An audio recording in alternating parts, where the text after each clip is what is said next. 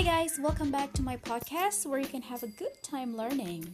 Oh ya, mau aku ingetin kalau pada tiap podcast pembelajaran karena uh, pelajar bahasa Inggris, tapi yang dengerin banyak uh, pelajar Indonesia, aku pakai dua bahasa Indonesia dan bahasa Inggris ya. Uh, so it's a bilingual time for us while having a great time studying. Anyway, let me also remind you to stay at home during the pandemic as well as applying the health protocols to keep us away from COVID-19. Ingat terus ya, uh, selalu patuhi protokol kesehatan untuk mencegah penyebaran COVID-19.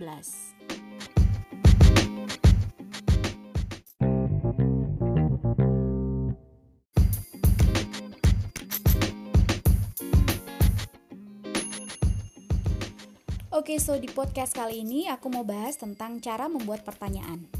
Yep, you're going to talk about making questions in English. Uh, tapi ngomong-ngomong kalian termasuk yang lebih jago jawab pertanyaan apa jago kasih pertanyaan nih? Katanya kebanyakan murid itu lebih jago jawab pertanyaan loh daripada bikin pertanyaan, apalagi kalau bikin pertanyaannya pakai grammar atau tata bahasa yang benar. ya apa pun itu woles aja ya guys, karena kita akan tetap belajar pakai grammar dan harus pakai yang benar, terutama pada kalimat pertanyaan. Kan lagi dibahas ini sekarang. Okay, are you guys ready? Oh, uh, make sure that you're at your best positions with your notebooks and your most beloved snacks and beverages as fresh as the apple cider.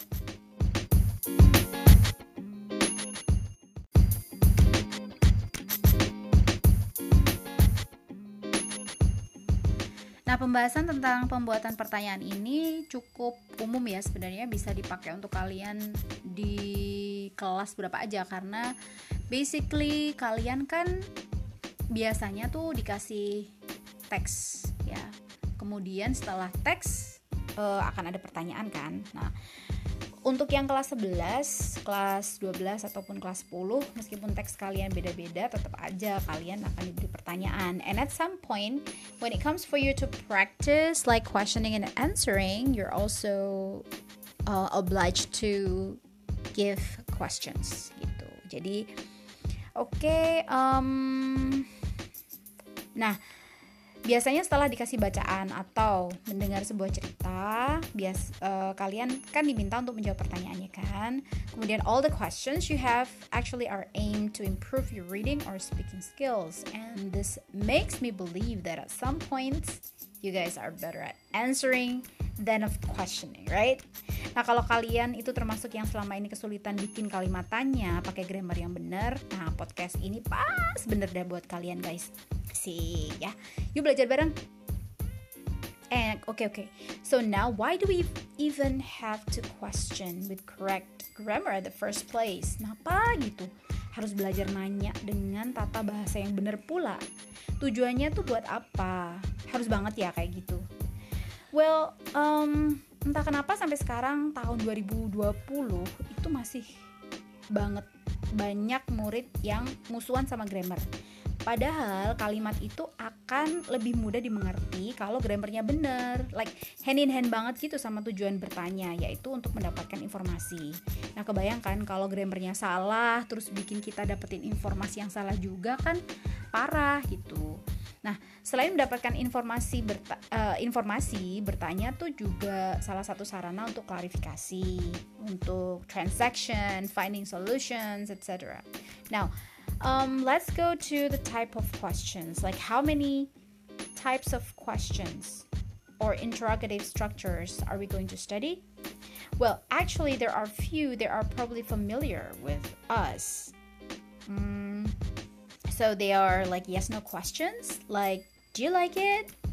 And then WH questions, like what does she do? And then the third one is choice questions, like are you at home or at the office? And then the fourth one is question tag, like I should go now, shouldn't I? And then the next one we have indirect yes no questions, like do you know where the restroom is? And the last one, we have also rhetorical yes no questions like what are you kidding me? Nah, itu tuh uh, beberapa jenis pertanyaan uh, beberapa jenis atau tipe pertanyaan yang ada. However, among those types, we will only focus on the first two, yang dibahas cukup dua jenis aja ya guys. Uh, dua pertanyaan yang di awal udah aku sebutin tadi. There are yes no questions and WH questions. No worries. I believe that they are all both familiar to you. Now shall we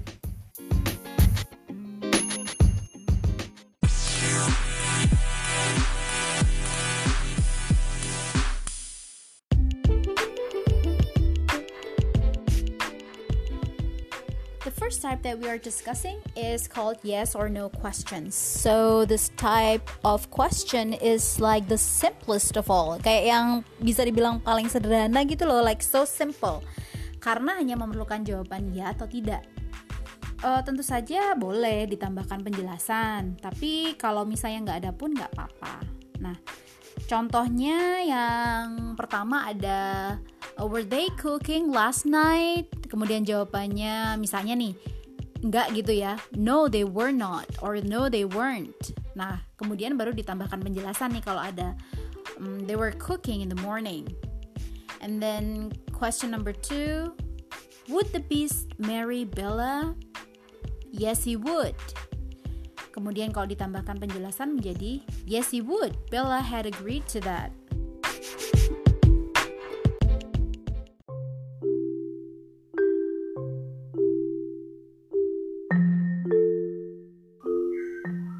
Oh ya guys, di awal kan aku udah ingetin Ingetin untuk kalian siapin itu tuh alat tulis, kertas, terus pensil, pulpen kayak gitu Supaya kalian bisa sambil nulis-nulis gitu sambil coret-coret yang kalian denger dari penjelasan gitu sambil kalian tulis-tulis gitu ya. Tapi kalau misalnya kayak yang udah malas banget, aduh malas aja sih, jangan bawaannya malas mulu dong.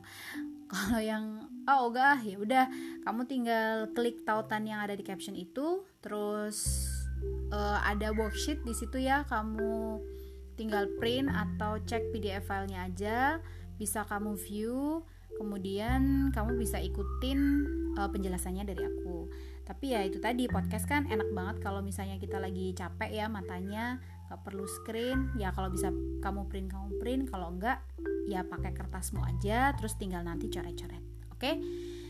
Uh, kemudian habis ini kita akan bahas rulesnya. Oke, okay, we need to review the rules of making yes no questions. Kita bahas aturan mainnya ya.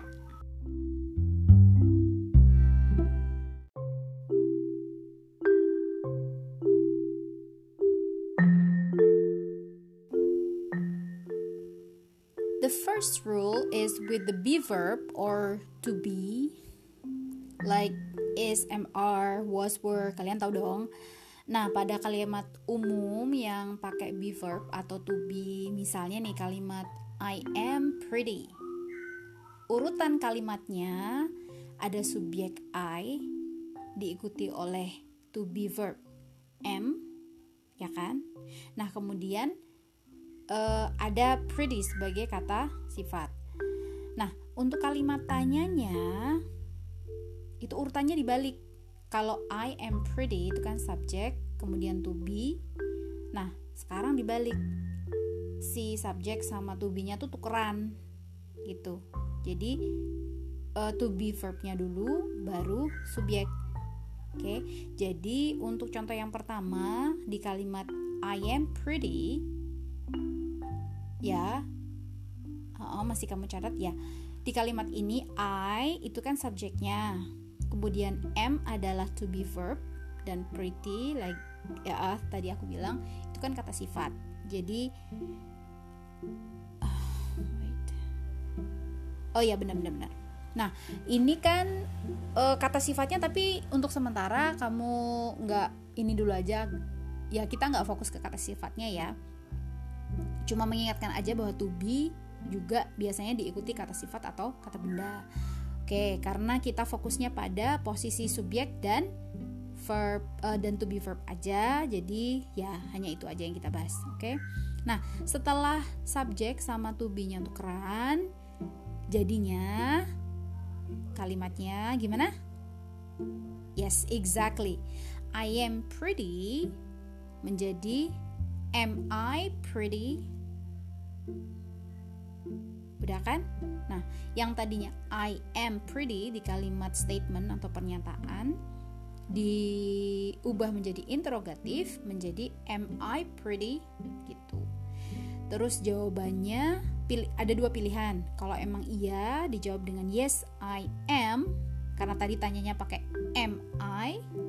Kemudian kalau misalnya enggak ya no I am not ya.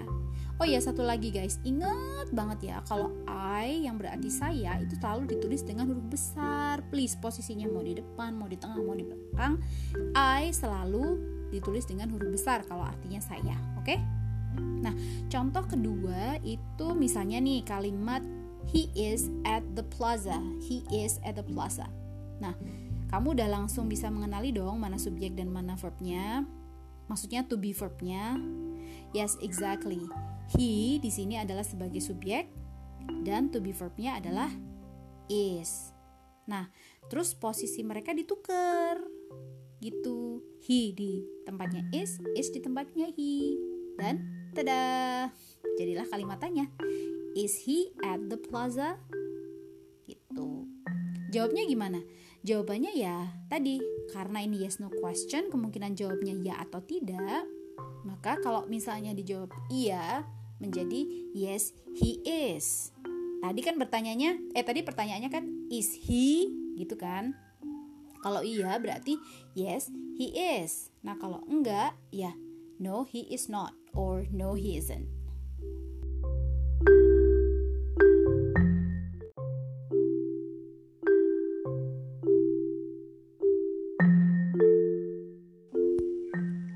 The next rule, aturan selanjutnya adalah uh, yang kedua nih ya.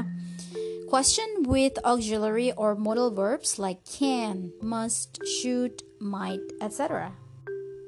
Auxiliary verb atau kata kerja bantu juga dipakai untuk membuat yes no question.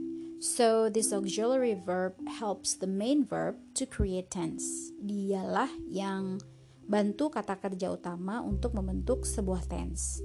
Misalnya gini nih uh, ada kalimat they have written some novels. They have written some novels. Nah, karena ada kata have sebagai kata kerja bantu, maka kata dasar write menulis itu berubah menjadi bentuk ketiga written. Ya, dari write menjadi written. Nah, tense yang dipakai ada have written They have written some novels. Tense di sini yang dipakai adalah exactly present perfect tense. Nah, contoh lainnya bisa juga dengan to be verb yang tadi is, mr atau was, were. Uh, kayak di kalimat ini nih. They were riding they were uh, sorry, they were riding. Nah, karena ada to be were, they were, maka kata dasar ride berubah menjadi verb ing. They were riding. Nah, dari kalimatnya kita tahu bahwa itu adalah simple past oh sorry, past continuous tense. Nah, udah jelas ya? Oke. Selain itu, ada model like can, should, may, must, apalagi could, might, dan lain sebagainya juga bisa disebut se disebut sebagai kata kerja bantu. Misalnya di kalimat they will write. They will write. Ada model will diikuti oleh verb satu. Model selalu diikuti oleh verb satu ya guys. Nah, sekarang bentuk kalimat interrogatifnya gimana dong? Tadi kan statement semua nih. Apakah ada pola tertentu? Sebenarnya tuh sama aja kayak tadi. Jadi subjek atau subjek sama kata kerja bantunya itu tinggal tukeran tempat aja. Gitu doang. Iya. Contohnya nih, nih. Contoh yang pertama ya. They have written some novels. They have written some novels. Nah, uh, di sini tinggal they subjek sama have kata kerja bantu itu tukeran tempat.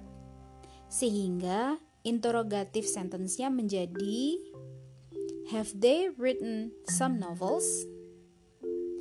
Yang kalimat positif they have written some novels. Ketika di, uh, eh, kalau diubah menjadi interrogatif atau kalimat tanya menjadi have they written some novels? Udah. Sumpah gitu doang. Lah iya lah mau gimana lagi gampang betah. Gampang kan? Uh, gini loh sering banget aku lihat anak-anak yang sampai SMA itu masih banyak yang kesulitan mengubah kalimat positif menjadi interrogatif dan juga menjadi kalimat negatif. Meskipun dari SMP to be honest kalian ngerjain itu udah banyak kali kan? Dari SMP udah dilatih juga ngerjain kayak gitu sampai kayak yang udah bisa tuh udah yang ah ya ampun bikin lagi kayak gini ya itu karena memang banyak yang belum bisa. Ya yang belum bisa itu kali entah karena uh, waktu itu lupa nggak ngerjain atau emang males kerjain atau ya karena selama ini nyontek doang copas-copas. Jadi kayak nggak ngerti caranya. Padahal that simple ya. Jadi habis ini kalian nggak perlu lagi nyontek deh udah bisa bikin sendiri anyway untuk pertanyaan have they written some novels? Jawabannya gimana? Sama ya. Sama dalam artian because it's a yes no question. Jadi jawabannya kalau enggak yes they have ya no they have not or no they haven't. Tergantung dari tanyanya. Tadi tanyanya pakai have they maka jawabannya yes they have atau no they haven't jelas jelas banget dong asik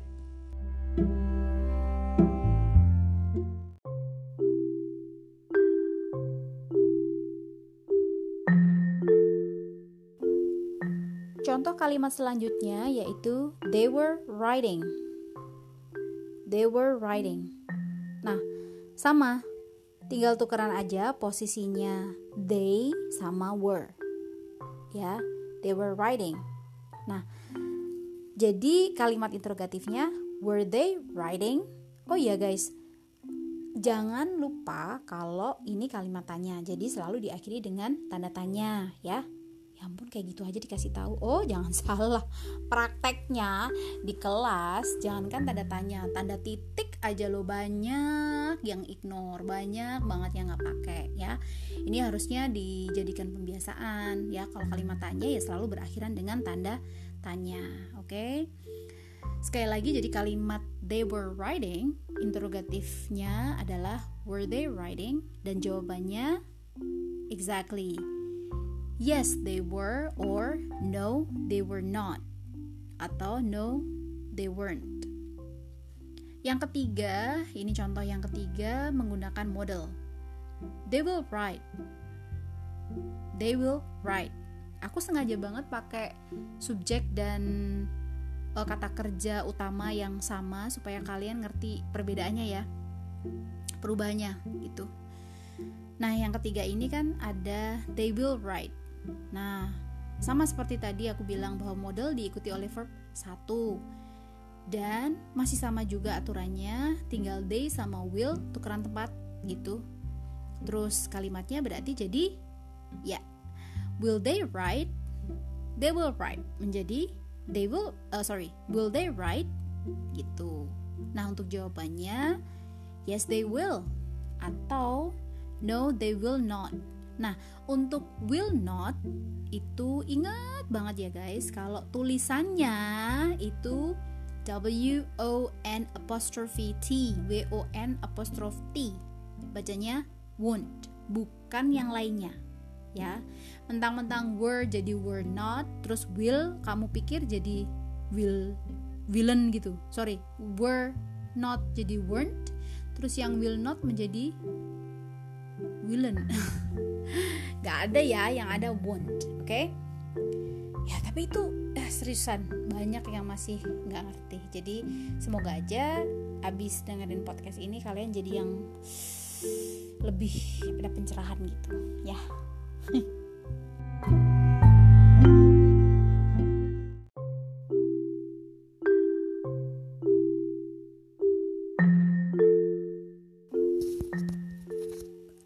gimana kalau kata kerja bantunya itu ada dua Nah, misal nih di kalimat they have been fired. They have been fired. Kata kerja bantu yang pertama ada have, kata kerja bantu yang kedua ada been. Terus gimana dong kalau kayak gini? Nah, kalau ada kalimat yang seperti ini, maka yang uh, tukeran tempat adalah subjek sama kata kerja bantu yang pertama. Jadi they sama have yang tukeran tempat. Kalimat awalnya kan they have been fired. Setelah they dan have tukeran tempat, maka kalimat tanyanya menjadi have they been fired? Nah, gitu. Have they been fired? Dan jawabannya gampang banget. Yes, they have or no, they haven't. Jadi B-nya nggak usah ikutan muncul ya. Oke, hmm, masih contoh kalimat yang ada dua kata kerja bantu. Nah, kita coba kalimat yang ini. The train is going to arrive. The train is going to arrive. Subjeknya adalah the train. Kemudian kata kerja bantu pertamanya yaitu ya bagus banget, betul sekali to be is. Kemudian kata kerja bantu keduanya adalah going to. Going to tuh kayak jadi satu rangkaian ya satu frase. So here the train uh, you just need to switch it oke okay? ditukar aja the train si subject tukeran sama is to be verb kalimat the train is going to arrive bentuk kalimat tanyanya adalah Is the train going to arrive? Nah, kemudian dijawabnya dengan yes it is or no it isn't. Going to-nya nggak ikutan muncul. Jadi uh, intinya tuh gini ya guys. Untuk ubah kalimat pernyataan menjadi kalimat pertanyaan, untuk yang yes no question, kalian tinggal tukerin aja posisi subjek dan kata kerja bantunya. Terus lanjutin kalimatnya, Nah, habis terakhir, paling akhir itu diakhiri dengan tanda tanya.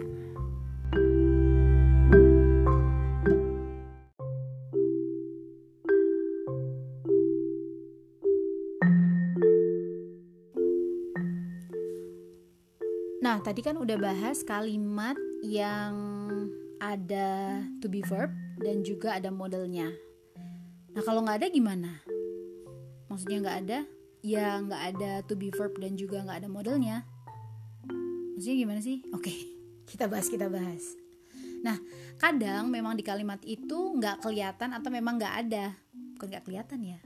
Nggak kelihatan tuh kesannya kayak hanya orang-orang tertentu yang lihat tapi emang bener-bener nggak ada nih jadi nggak ada to be verbnya dan nggak ada modelnya misalnya di kalimat ini contoh yang pertama ya kalimat we love chicken noodles we love chicken noodles.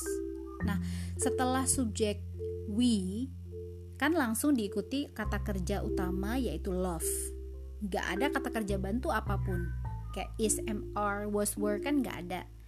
Yang kayak model tadi can, could, may gitu-gitu kan juga gak ada. Nah, untuk kalimat seperti ini, kalian bisa pakai kata kerja bantu do, does, atau did, tergantung tensesnya. tensesnya. Di kalimat ini, we love chicken noodles itu jelas banget pakai tenses apa? Exactly, simple present tense. Taunya dari mana? Taunya dari kata kerja utama yang di kalimat itu yaitu love. Itu kan verb satu. Berarti pakainya berarti itu simple present tense. Kemudian ada subjek we berarti pakainya kata kerja bantu do nanti di kalimat interrogatifnya sehingga kalimat pernyataan we love chicken noodles kalau diubah menjadi kalimat pertanyaan menjadi do we love chicken noodles and the answer will be yes we do or no we don't Oke, udah jelas? Masih bingung? Oke. Kalau masih bingung, aku kasih contoh yang kedua. Ya, contoh kedua, it's a little bit tricky. Oke. Here's the sentence. She drinks coffee. Ada kalimat she drinks coffee. Drinknya pakai S ya. She drinks coffee. Coba jadi gimana bentuk interrogatifnya? Nah, ya ya ya ya ya. Jadi she drinks coffee itu masih dia masih pakai simple present tense. Ya, cuma subjeknya sekarang ganti she. Berarti yang kita butuhkan adalah does.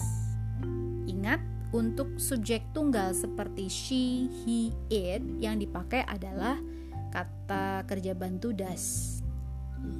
Sehingga kalimat yang aslinya she drinks coffee jika diubah menjadi kalimat tanya menjadi does she drink coffee? She drinks coffee berubah menjadi does she drink coffee? Drinknya yang di kalimat tanya tanpa S ya kembali ke bentuk dasar verb satu karena sudah ada pertanyaan uh, sudah ada kata kerja bantu does. Jawabannya gimana? Tadi pertanyaannya does she? Maka jawabannya yes she does or no she doesn't. Lanjut? Oke. Okay. Capek ya? Aduh, ngemil dulu deh, ngemil, ngemil, ngemil. Biar lebih cemerlang. Katanya logika tanpa logistik adalah anarki. Bahaya itu. Yuk ngemil, ngemil, minum-minum dulu ya. Oke. Okay.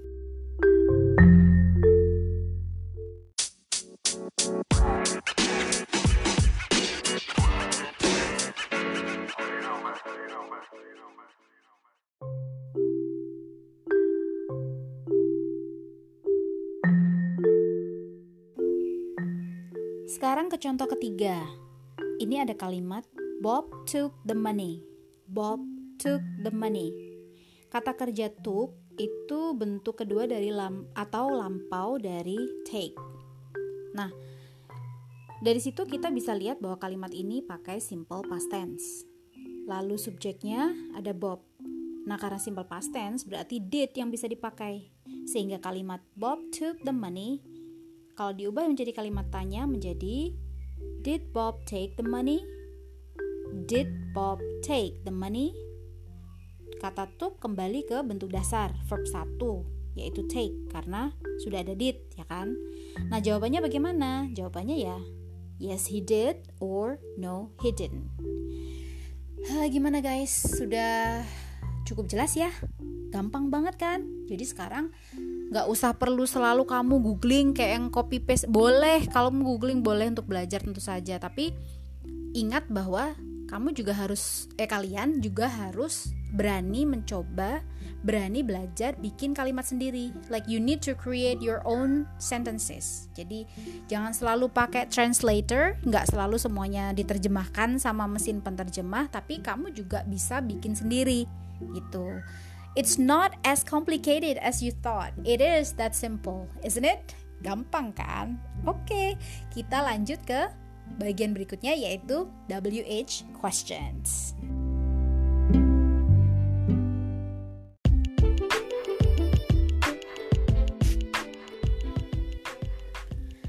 Oke, setelah kita bahas tentang yes no question, sekarang kita bahas bentuk pertanyaan yang kedua, tipe pertanyaan kedua yaitu WH question. Agak beda nih dari yang tadi ya. It is different because it has different pattern as well. Oke. Okay? Uh, pertanyaan jenis ini tidak bisa dijawab dengan ya atau tidak, tapi justru jawaban yang diperlukan adalah informasi atau penjelasan. Nah, pola kalimatnya diawali dengan kata tanya yang berawalan WH atau WH question. Ada yang menyebutnya dengan 5W plus 1H, tapi ada juga dan memang sebetulnya e, lebih banyak dari itu ya. Ada yang menyebut dengan 8W plus 1H. Kali ini aku bahas yang 8W aja ya. 5W katanya kurang. E, 8W yang dimaksud di sini adalah ada what, where, why, when, who, which, whose, and whom. Sedangkan satu hanya masih tetap sama yaitu how. Nah, kalimat tanya tersebut itu bebas dipakai dalam berbagai tenses. Tapi pada penjelasannya nanti contoh yang dipakai kebanyakan aku ambil dari uh, teks naratif. Jadi seringnya pakai past tense. Gak apa-apa ya. Nanti kita relate nanti ini juga akan relate dengan uh, podcast lain yang membahas tentang naratif. Gitu. So I have this question and answer samples ya ada contoh Q&A gitu pada masing-masing question word. Oke, siap-siap nulis-nulis nulis, siap-siap uh, dengan catatannya dan siap-siap dengan menyimaknya, dengan mendengarnya sambil krau krau krau krau makan snack.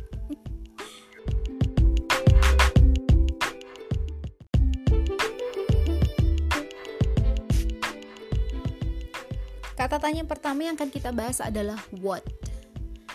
What itu digunakan untuk menanyakan informasi tentang sesuatu atau seseorang. For example, what did the prince do after lunch?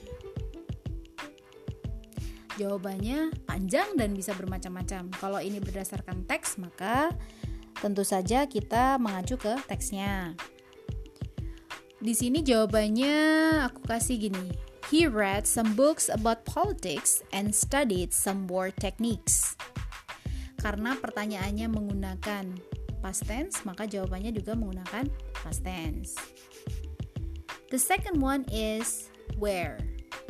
Where digunakan untuk menanyakan lokasi atau tempat. Kalau dikaitkan dengan teks naratif, itu hubungannya berarti sama setting cerita ya.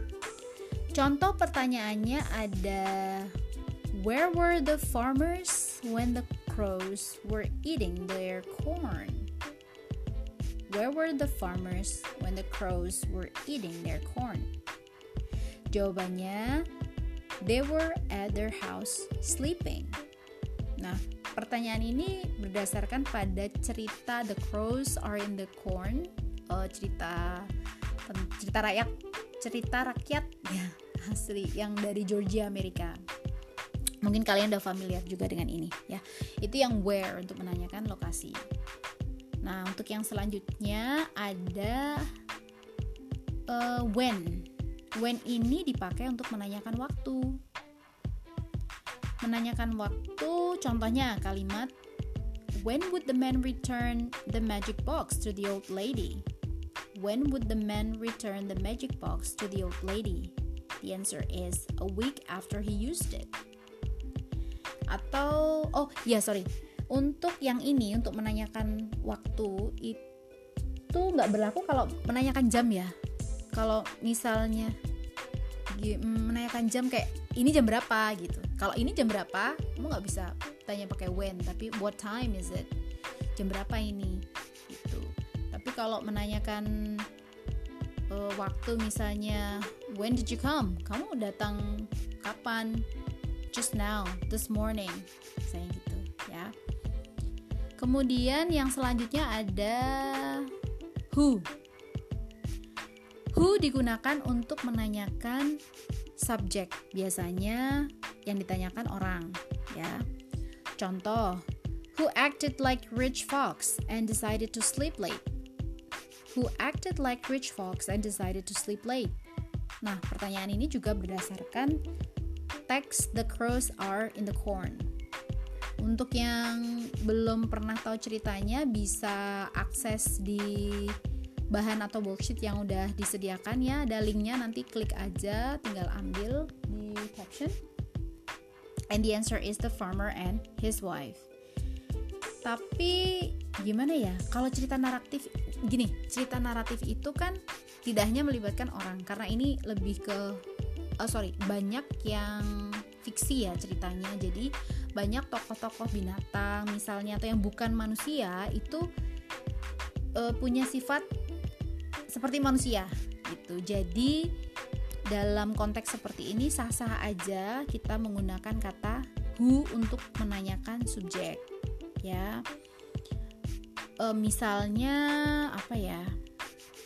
Hmm, nah misalnya di cerita The Crows Are in the Corn gitu ada kan orangnya? Orangnya memang ada the farmer and the wife. Tetapi ada tokoh-tokoh atau karakter lain yang di cerita itu ada the crows kemudian ada hmm, the rooster ada turkey. Nah mereka itu seakan-akan berinteraksi sama seperti manusia seakan-akan mereka itu memang lagi ngobrol sehingga kalau misalnya ada pertanyaan kayak gini Who ate all the farmer's ripe corn? The answer is the crows. Itu nggak apa-apa, itu benar. Meskipun crows itu kan hewan ya, bukan manusia. Tapi tetap bisa ditanya uh, kalimat tanya menggunakan who. Oke. Okay. Uh, selanjutnya ada kata tanya why. Kenapa? Why digunakan untuk menanyakan alasan. For example, why did the horse run away from the stable? Sorry, why did the horse run away from the stable? Because the stable was burned. Gitu. Jadi biasanya responnya berupa hmm, penjelasan ya yang diawali dengan because atau since gitu. Next one we have which. Which digunakan untuk menanyakan pilihan. For example, which pumpkin did bawang putih take? The big one or the small one? Nah, manakah labu yang diambil oleh bawang putih? Labu yang besar atau yang kecil? Kalau ada pertanyaan seperti ini, jawabannya she took the small one. Dia mengambil labu yang kecil. Seperti itu. Next one we have whose. Whose W H O S E artinya apa coba? ya hubungannya sama kepemilikan ya, milik siapa gitu. Whose dipakai untuk menanyakan kepemilikan benda. Contoh kalimatnya adalah Whose magic box was the man holding? Milik siapakah kotak ajaib yang sedang dipegang oleh laki-laki tersebut? Atau kotak ajaib punya siapa atau kotak ajaib milik siapakah yang sedang dipegang oleh laki-laki tersebut. It was the old ladies. Itu adalah milik seorang uh, Oke, sebentar sebentar tunggu. Ya, itu adalah milik seorang wanita tua atau wanita tua tersebut. Tersebut yang mana? Ya, karena ini ada hubungannya sama cerita, pasti kamu harus ngerti ceritanya juga. Tapi kalau misalnya ini uh, contoh umum aja nggak apa-apa tetap bisa. Jangan lupa it was the old ladies. Jangan lupa ladiesnya ini tulisannya L A D Y apostrophe S. Ada apostrophe S ya yang menunjukkan milik milik perempuan tua itu. Gitu ya.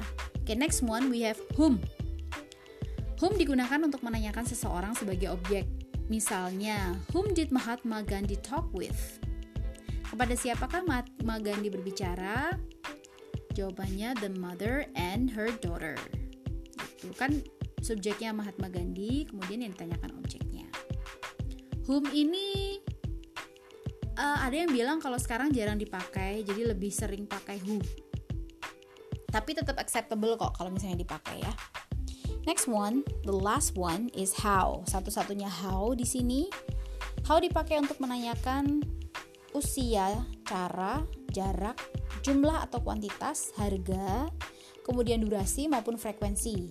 Contohnya, hmm, how did Gandhi solve the woman's daughter problems? Bagaimana cara Gandhi menyelesaikan masalah yang dihadapi oleh anak perempuan wanita tersebut?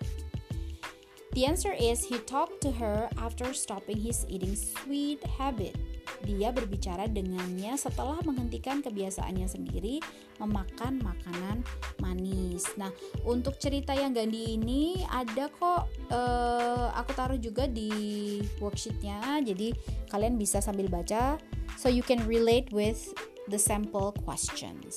Oke, okay, sudah cukup jelas ya. Habis ini kita coba-coba untuk otak-atik dan bikin kalimat. Oke. Okay.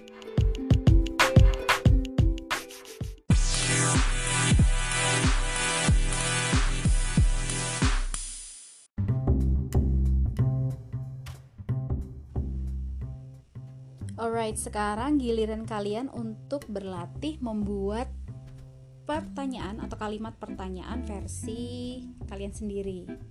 Tapi kalimatnya tetap aku sih yang nentuin. So, I'm going to give you a statement and also the answer and your job to create the question.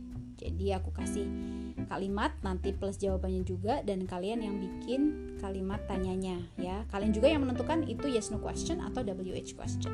Oke, yang pertama kalimatnya adalah The crows gathered on a large oak tree because they had a meeting. The crows gathered on a large oak tree because they had a meeting. Oke, jawabannya jawaban dari pertanyaan kalian nanti adalah the crows.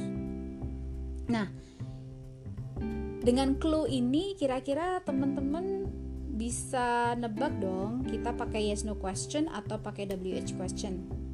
Yes, exactly. Kita akan pakai uh, eh, WH question karena kan jawabannya bukan yes atau no kan.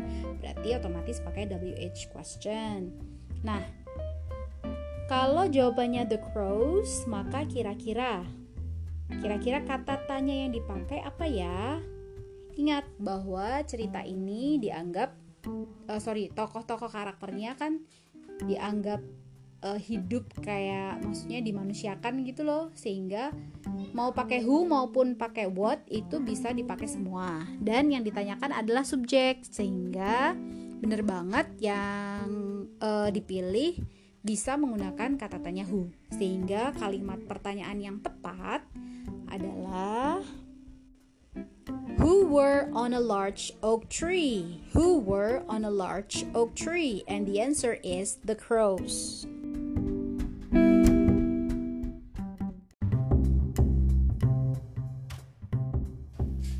Di contoh kedua ini, aku masih pakai kalimat yang tadi ya, yang the crows gathered on a large oak tree because they had a meeting. The crows gathered on a large oak tree because they had a meeting masih pakai kalimat yang itu.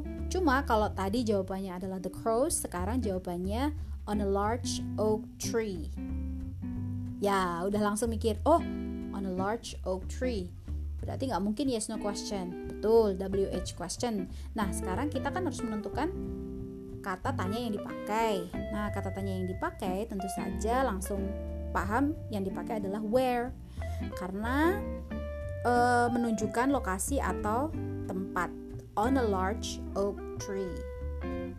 Oh ya, anyway, karena tadi udah di awal udah diingetin, uh, kalian juga aware dong kalau tenses yang dipakai di sini adalah simple past tense, ya. Sehingga kalimatannya yang tepat untuk jawaban on a large oak tree adalah Where did the crows gather? Where did the crows gather? Oke, okay, menggunakan did sebagai auxiliary verb atau kata kerja bantu sedangkan gather uh, kembali ke verb satu dan jawabannya adalah on a large oak tree. Very good. Wah, gampang, gampang. Asik dah pokoknya.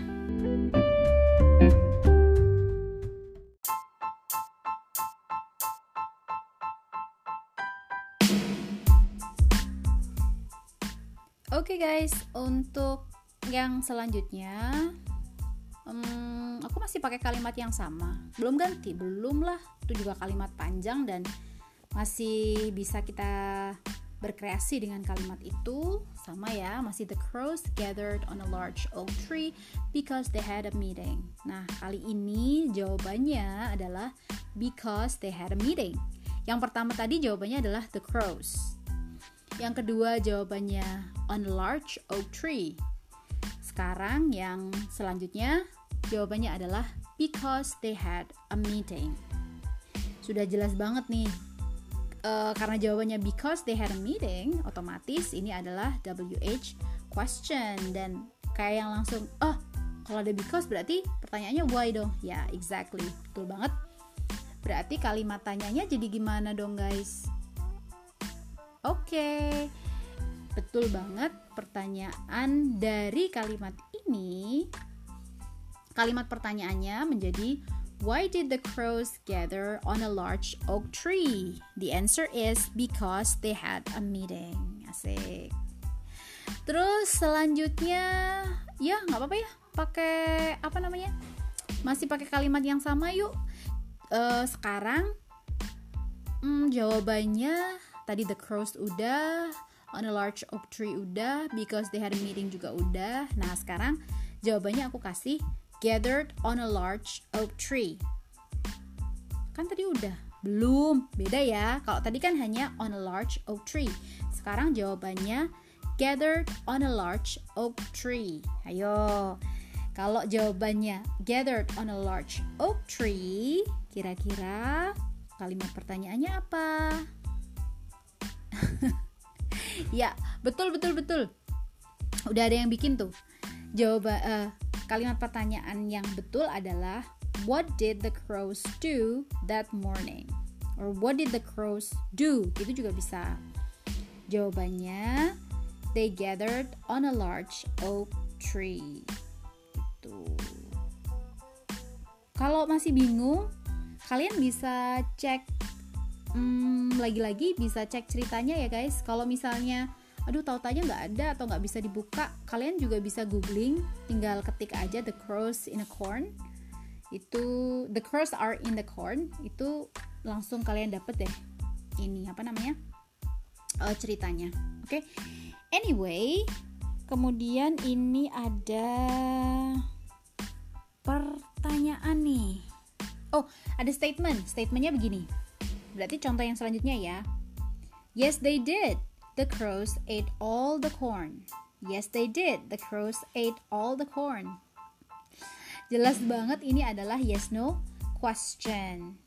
Yes, they did. The crows ate all the corn. Jawabannya kan yes, they did. Berarti ini adalah yes no question.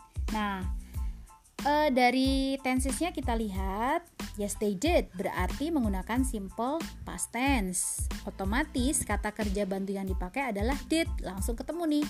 Terus kalimat pertanyaannya gimana dong? Kalimat pertanyaannya Did the crows eat all the corn? Did the crows eat all the corn? Yes, they did. The crows ate the crows ate all the corn gitu ya guys yang terakhir ada statement kayak gini nih. No they weren't. Atau no they were not. The farmers were not watching their crops that morning. Statementnya no they were not. The farmers were not watching their crops that morning. Jawabannya no they weren't. Nah, dilihat dari jawabannya jelas banget bahwa uh, ini yes no question dan masih pakai simple past tense. Kalau tenses lainnya tinggal menyesuaikan aja ya. Kemudian kalimat pertanyaan yang tepat adalah Were the farmers watching their crops that morning? No, they were not. The farmers were not watching their crops that morning. Wah, senangnya sudah bisa bikin kalimat tanya sendiri. Oke okay, guys, uh, kalau masih ada pertanyaan, kalau masih bingung, kalian bisa chat, message aja yang bagian mananya bisa ditanya-tanya gitu ya. Untuk selanjutnya, hmm, selamat belajar. Uh, masih tetap stay di rumah dong, ya. Kecuali kalau yang penting-penting banget mau keluar boleh. But bottom all, stay safe, stay productive tetap belajar, tetap berkarya. Oke, okay, bye everyone. Kita jumpa di podcast yang lain ya. Dadah.